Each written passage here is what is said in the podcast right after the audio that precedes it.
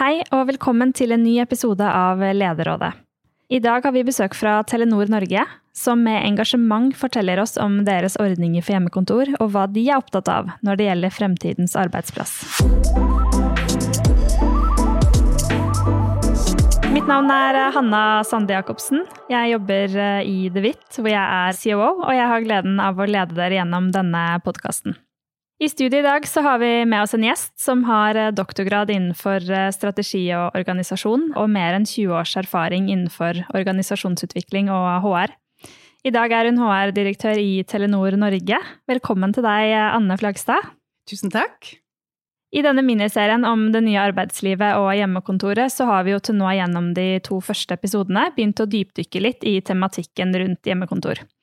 Og rundt oss så ser det ut som virksomheter har en ganske ulik oppfatning av hvordan fremtidens arbeidsplass skal se ut. Noen forventer jo at alle skal komme tilbake på kontorene hver dag når vi går tilbake til normalen. Mange snakker om en hybrid hverdag, og noen er jo opptatt av å gi sine ansatte mest mulig fleksibilitet. Telenor var jo en av de aktørene som var veldig tidlig ute med å si at nå kan de ansatte arbeide fra hvor de vil. Og det har jo skjedd, skjedd litt siden det, men dere har jo fortsatt valgt å gå i retning av, av det å gi mest mulig fleksibilitet til, til, ansatte. Vil du si litt om bakgrunnen for, for at dere har gått den veien?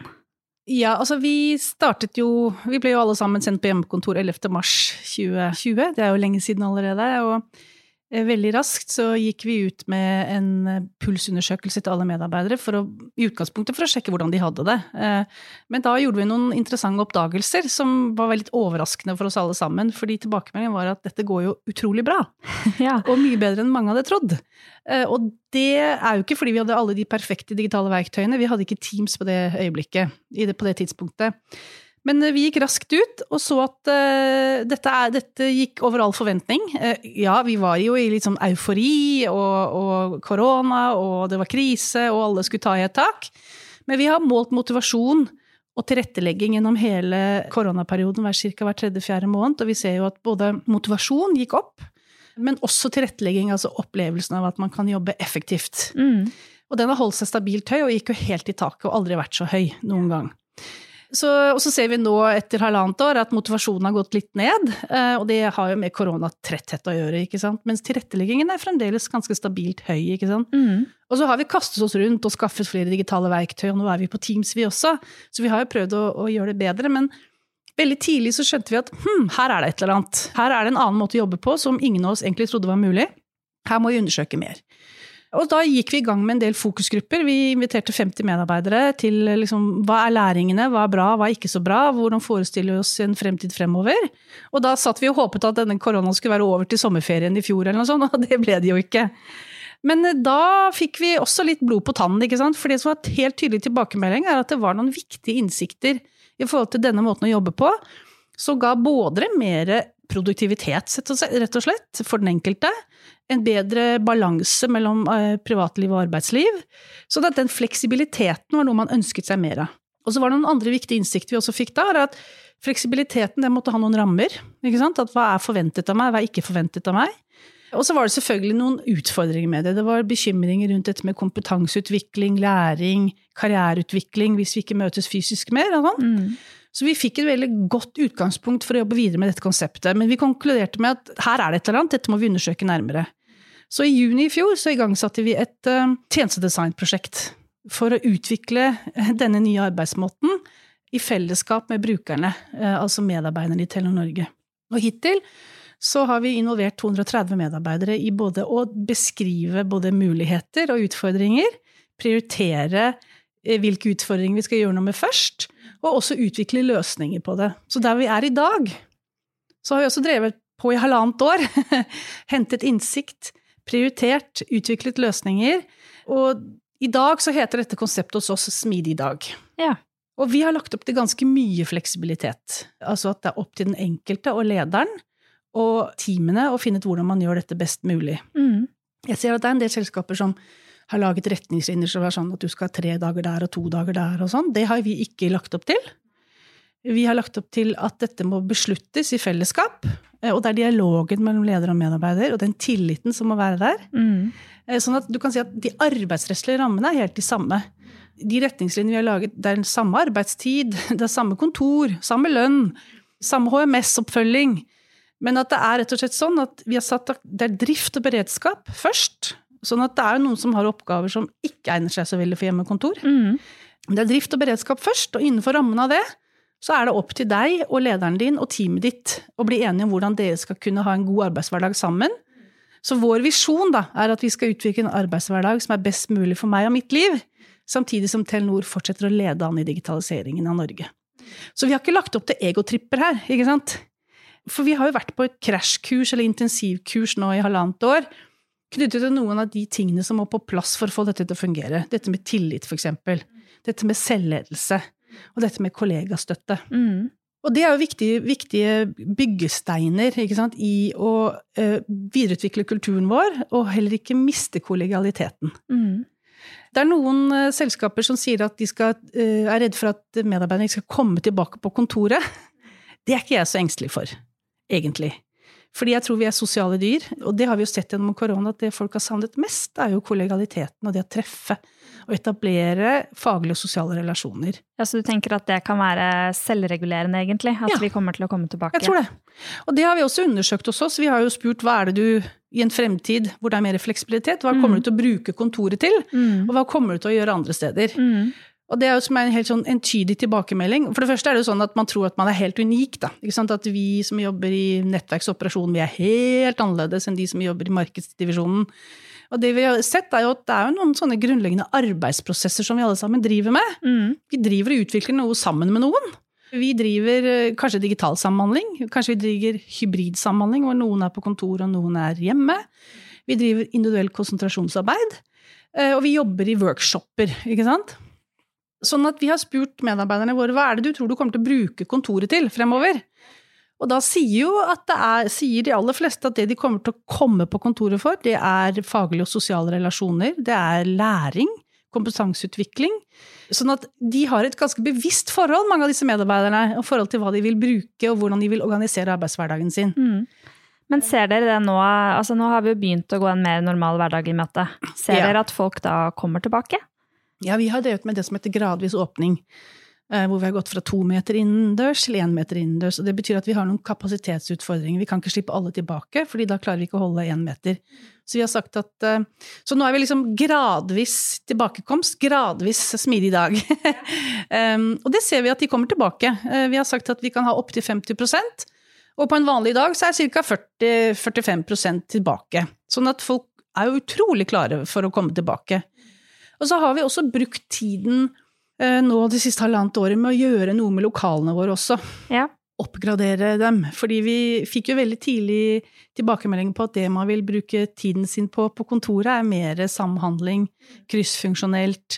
Sånn at vi har oppgradert en del arealer som var sånn typisk sånne litt døde områder som resepsjoner og sånn. Ja. De har vi gjort om til sånne mer co-creation spaces, så vi har økt antallet stoler, holdt jeg på å si, å sitte på, Ja, ja. eh, på kontoret. ja, så dere tenker nytt i forhold til da hvordan dere skal bruke kontorlokalene fremover, og det er også veldig interessant. Altså, mange av de eh, virksomhetene som har valgt en ordning eh, hvor de setter litt tydeligere rammer for enten hvor mange dager, eller til og med også hvilke dager ansatte må være tilbake på kontoret, de gjør jo det med, med grunnlag i at eh, de vil oppfordre ansatte til å møtes, rett og slett for å kunne bevare kultur og, og fortsette å bygge et godt arbeidsmiljø.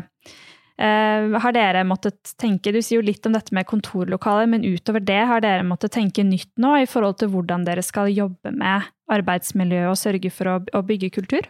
Nei, altså tilbakemeldingene fra alle disse undersøkelsene vi har gjort, er jo at um, folk vil tilbake, og folk har et ganske bevisst forhold til hva de vil bruke kontorene til. Så vår jobb som arbeidsgiver er jo å legge til rette for det. Mm. Så hvis vi legger til rette for at de kan komme på jobben og gjøre de tingene på kontorkontoret, og gjøre de tingene de faktisk tenker at de skal gjøre der, nemlig mer møter, samhandling, så tror vi at da kommer de, Mm. eh, om du skjønner. Så, så jeg tenker det er en mye smartere løsning, i hvert fall sånn som vi ser det, er at eh, vi, folk, vi legger til rette og fasiliterer, og da vil folk bruke mulighetene. Eh, Og det som er en sånn tydelig tilbakemelding hos oss eh, i, fra våre medarbeidere, er at fleksibilitet betyr fleksibilitet. Så hvis vi inngår i ordninger hvor det er veldig predefinert hva, at det er tre dager, to dager, eller det er sånn og sånn, så oppleves ikke det som fleksibelt. Fordi det må være oppgavene, produksjonsprosessene, som definerer når har jeg behov for å komme på kontoret, hva passer for meg, hva passer ikke for meg, mer enn at det er en definert ramme på tre ganger to dager eller et eller annet. Så vi har jo da sagt at hvis vi skal oppnå den effekten hvor medarbeidere har det enda enklere og bedre, eh, teamene har det, er effektive, og Telenor klarer å fortsette å gjøre det vi skal, så vil det måtte basere seg på fleksibilitet i forhold til at en uke er jeg kanskje der alle dagene i Mm, uken, mm. neste uke er jeg der fem dager hjemme. Fordi det passer best. Og da er du inne på ansattopplevelsen rundt dette. Eh, Det har jo vært mye snakk om ledelse i dette òg, og at mange ledere opplever det som veldig utfordrende å skulle lede ansatte de ikke ser. Noen har jo erfaringer med dette fra å skulle lede virtuelle team fra før, men for mange er jo dette noe ganske nytt. Har dere sett på det som en utfordring, eller fått tilbakemeldinger som tyder på at det er noe man burde jobbe spesielt med fremover? Ja, altså, det er det helt åpenbart, og dette må jo basere seg på tillit. Jeg opplever jo at vi hadde mye tillit før også korona, og det var jo en del som jobbet litt hjemme allerede før. Og i tillegg så er det, vi er jo på 20 forskjellige steder i landet, sånn at det er jo mange av våre ledere som allerede har eh, drevet med distanseledelse, rett og slett. Og det som er interessant også, er jo at um, det de medarbeiderne vi har som sitter rundt omkring på kontorer i landet, de har jo plutselig følt seg mye mer integrert og inkludert. Sånn at liksom geografidimensjonen, den er ikke borte, men den har forandret seg litt. Mm. Så betydningen av geografi, geografi har blitt mindre, rett og slett. Um, og så kan du si ja, vi har drevet uh, krasjkurs i tillitsbasert ledelse nå i halvannet år. Det er ikke så lett å drive mikromanagement når, uh, når medarbeiderne sitter på hjemmekontor. Men jeg ser også at uh, i den tilliten som vi må ha mellom oss, så handler det også om selvledelse. Og det har også vært et krasjkurs for våre medarbeidere nå i forhold til å kjenne på dette med hva trenger jeg, trenger jeg, trenger jeg støtte, eh, hva syns jeg er vanskelig, enten det handler om arbeidsmiljø, fysisk, psykisk, ikke sant, men også oppgaveløsning. Sånn at den andre siden av den tillitsbaserte ledelsen er jo også at jeg må ha et bevisst forhold i forhold til hva jeg trenger av min leder, Mm. og hva slags tillit jeg trenger, og tenker at jeg skal agere innenfor. Ja. Og så har vi den tredje dimensjonen som handler om teamet og kollegaer. Og det siste halvannet året har jo også vært en utrolig eh, krasjkurs i kollegastøtte og betydningen av teamet, Mm. som jeg jo ikke har sett tidligere på samme måte. Hvordan har du sett eh, Nei, det altså forandre seg? Nå har vi jo hjulpet hverandre til å liksom komme gjennom denne situasjonen, men, men vi ser jo eksempel gjennom korona at vi har hatt en mye høyere bevissthet blant kollegaer i forhold til å rekke ut til hverandre, være oppmerksom på kollegaer som kanskje er sårbare, at sårbare kollegaer har rukket ut til kolleger og bedt om støtte. Og det er jo en altså, kultur, det er jo der kulturen er, Mm. på en måte. Mm. Så vår jobb som arbeidsgiver er jo ikke å være bekymret for kulturen, men vi skal fasilitere for den kulturen vi allerede er i gang med. Mm. Gjennom eh, pandemien så er vi jo pålagt å jobbe hjemmefra. Nå går vi over i en hverdag hvor du velger det selv. Tror du at vi vil se noen forskjeller på hvordan folk trives, hvordan produktiviteten er? Forventer dere at pulsmålingene deres vil se annerledes ut nå som vi er i en, en litt annen setting? Ja, det tror jeg. Altså, det er noen sånne atferdsdesignere som sier at det tar 90 dager å endre en vane, og så har vi jo endret vaner nå i halvannet år. og det er klart at uh, vi skal jo da ha en vane å komme tilbake på kontoret, og jeg selv syns jo det er litt slitsomt, må jeg innrømme. Jeg må stå opp tidligere og Sitte i kø eh, og- sitte, ta bussen og ta på meg noe pent tøy og sånn, ikke sant. Så det er mange ting, gode ting med å være hjemme. Mm. Men jeg tror vi kommer til å være i en sånn brytningsfase nå. Og det er klart at hvis man har som utgangspunkt at denne smidige eller denne fleksible arbeidshverdagen er liksom handler bare om rammer eller retningslinjer eller eh, avtaler, ikke sant, så, så tror jeg det er feil. Eh, Jeg tror dette kommer til å utvikle seg videre. Vi, vi kommer til å måtte utvikle tenkningen og erfaringene rundt dette kontinuerlig. Mm. Eh, Vi må teste ting, sjekke ut hvordan det funker, justere, ikke sant. Mm. Så jeg tror dette konseptet vårt og, og måten å jobbe på er overhodet ikke skrevet i sten nå, ikke sant. Så jeg tror det aller viktigste nå er jo at vi nettopp lærer og utvikler underveis, Mm. og fortsetter, eh, fortsetter på en måte utviklingen av tenkningen og denne arbeidshverdagen. For det jeg er helt overbevist om, er jo at 2020 blir året som forandret norsk arbeidsliv Mm. eh, grunnleggende sett. Fordi de endringene vi var gjennom, altså den pandemien Vi hadde jo aldri klart å lage en hva skal jeg si, organisasjonsutviklingsplan så effektiv som pandemien hjalp oss med. Og så var det masse greier med pandemien som var veldig slitsomt. Men du og du, hvilket rykk vi har gjort. Mm. Og da snakker de ikke bare om digitale verktøy, og at vi har blitt mye mer selvstendige og, og har høy selvtillit på det, men også hele relasjonen mellom arbeidsgiver og arbeidstaker og betydningen av tillit begge veier, den tror jeg grunnleggende sett har forandret seg. Eh, og det er noe vi skal ta med oss videre. Det går ikke vekk, rett og slett. Nei. Hvilke andre forhold eh, er de viktigste når man skal tenke på hvordan fremtidens arbeidsplass blir? Jeg tror vi må tenke helhet, og det vi ser i vårt Smidig dag-konsept, er jo at når vi innhentet alle disse innsiktene fra alle disse medarbeiderne, eh, i alle disse pulsundersøkelsene, disse 230 medarbeiderne som var med, så ser vi liksom at det er et mye mer helhetlig bilde. Det handler ikke bare om å ha noen retningslinjer om når jeg skal være der, eller bare flere digitale verktøy, eller bare oppgradering av lokaler, ikke sant. Det er jo helheten. Og det er tre dimensjoner som vi ser i vårt arbeid, som er avgjørende for denne smidige arbeidshverdagen som vi ønsker å skape. Og det er meg og mitt arbeidsforhold. Det er vår samhandling, mm. og det er arbeidsplass. Mm. Så vi organiserer på en måte våre løsninger rundt de tre dimensjonene. Og det er mange ting vi ikke er ferdig med nå. Men det som er bra, da, er at i disse workshopene vi, og denne tjenestedesignlogikken, som er utrolig kraftfull mm. Vi er også i ferd med å lage et, et produkt, et, et, en, en, smidig dag-produkt, ikke sant, for første gang fra A til Å. Mm. For internreisen for medarbeidere. Og det vi ser, er at uh, det er mange løsninger som vi har liksom på tegnebrettet for å liksom fylle disse tre dimensjonene med innhold. Vi startet nå, nå, med retningslinjer, altså rammer som vi har drøftet sammen med tillitsvalgte. Og så har vi jobbet med fysisk arbeidsmiljø, og så har vi jobbet med videorom og digitale verktøy. Og så har vi jobbet med ledelse. Det, hos oss i Telenor så kaller vi det tight, loose, tight. Og vi har hatt også webinarer innenfor dette konseptet, både for ledere. 450 ledere har vært på webinar i å lære liksom, hva er grensene, hva, hvor, hva kan jeg gjøre, hva kan jeg ikke gjøre. Vi har et webinar for alle medarbeidere, vi må jo eie dette sammen. Mm. Og nå kommer vi til å ha sånne temaseminarer utover. Typisk hvordan balanserer jeg jobb, fritid? Altså, sånn at vi bygger opp kompetansen da, ja. for å kunne leve i en sånn type hverdag. Så det, det, er mange løsninger på tegnebrettet her som vi ikke har kommet i gang med ennå. Men, eh, og, og der, det vi ser, da, hvis vi, når vi har kikket ned på den lista med gode ideer som kommer fra medarbeidere, så ser vi at overraskende nok så er det ikke liksom nødvendigvis så mange nye ting. Altså fagdager ja. kommer til å være, fortsette å være viktig. Fredagspils er sannsynligvis enda viktigere enn noen gang. ikke sant? Sånn at tiltakene som foreslås, er ikke nødvendigvis helt nye, Nei. men det er pakketeringen av det. Og vinklingen av det, mm. som på en måte kanskje er det som er avgjørende her. Mm. Du snakker litt om at dere, dere, fortsetter jo åpenbart å bruke gode verktøy og måle og lodde stemningen. Hvordan, eh, hvordan situasjonen er og hvordan ting utvikler seg. Og at det er viktig å hente erfaringer og innsikt hva tror du blir de viktigste punktene for dere når dere skal ta med dere videre i vurderingen av hvordan den smidige arbeidshverdagen skal se ut framover? Ja, altså, jeg tror noe av det viktigste for oss vil jo, vil jo være nettopp å, å, ikke falle for fristelsen til å styre mer strukturert hvilke dager altså, Fordi det vil nettopp være kontraproduktivt i forhold til den fleksibiliteten som folk ønsker seg. Mm. Og når folk kan være fleksible, så er det bra for Telenor også. Det det vi, vi, må aldri glemme ikke sant? Det er at vår arbeidsgiverrolle i forhold til styringsrett, den skal jo understøtte at Telenor også går bra. Mm. Og dette er noe medarbeiderne vil. Så det er jo en høring ute nå på en ny sånn hjemmekontorforskrift. Ja.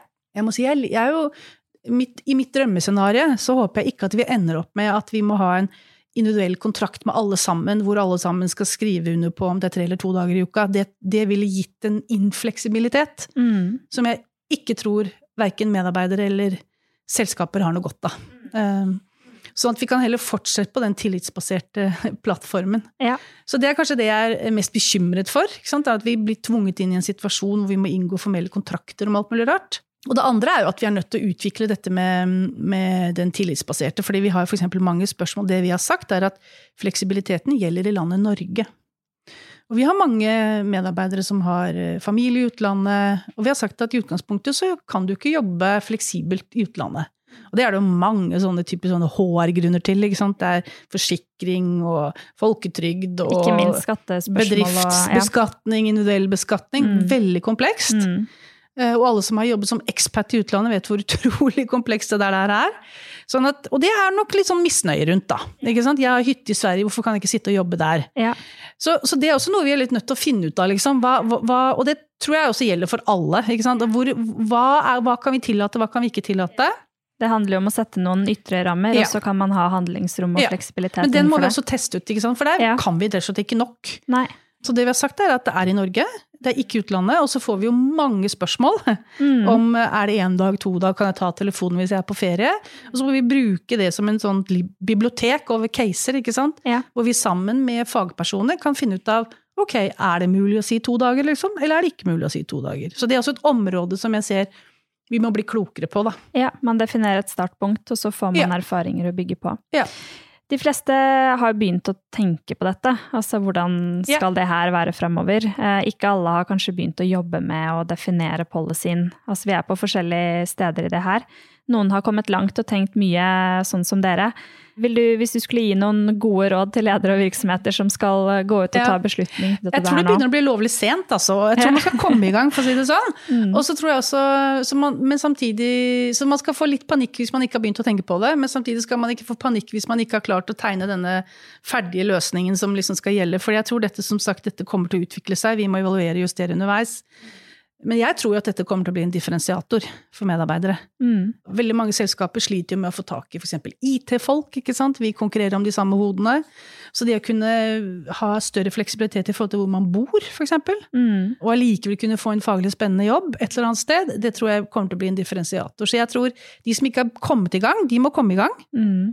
Og så er jo også erfaringen vår at det å være tydelig ikke nødvendigvis er dumt. Ikke sant? Vi har sagt at nei, det er i Norge. Mm. Det er det mange som syns er irriterende, men ok, men folk aksepterer det. Mm. Så jeg tror også det der at man skal ikke være redd for å liksom heller være tydelig. Men da, da må man også være åpen for at man evaluerer og justerer underveis, ikke sant. Så fremtiden er her, her må vi komme i gang. Tusen takk. Da er vi ved veis ende for denne gang. Men det var veldig interessant å ha deg her, Anne. Tusen takk for at vi fikk komme. I neste episode så skal vi snakke mer om eh, hvordan man kan gå frem for å etablere en hjemmekontorordning som er tilpasset eh, din virksomhet. Vi høres da.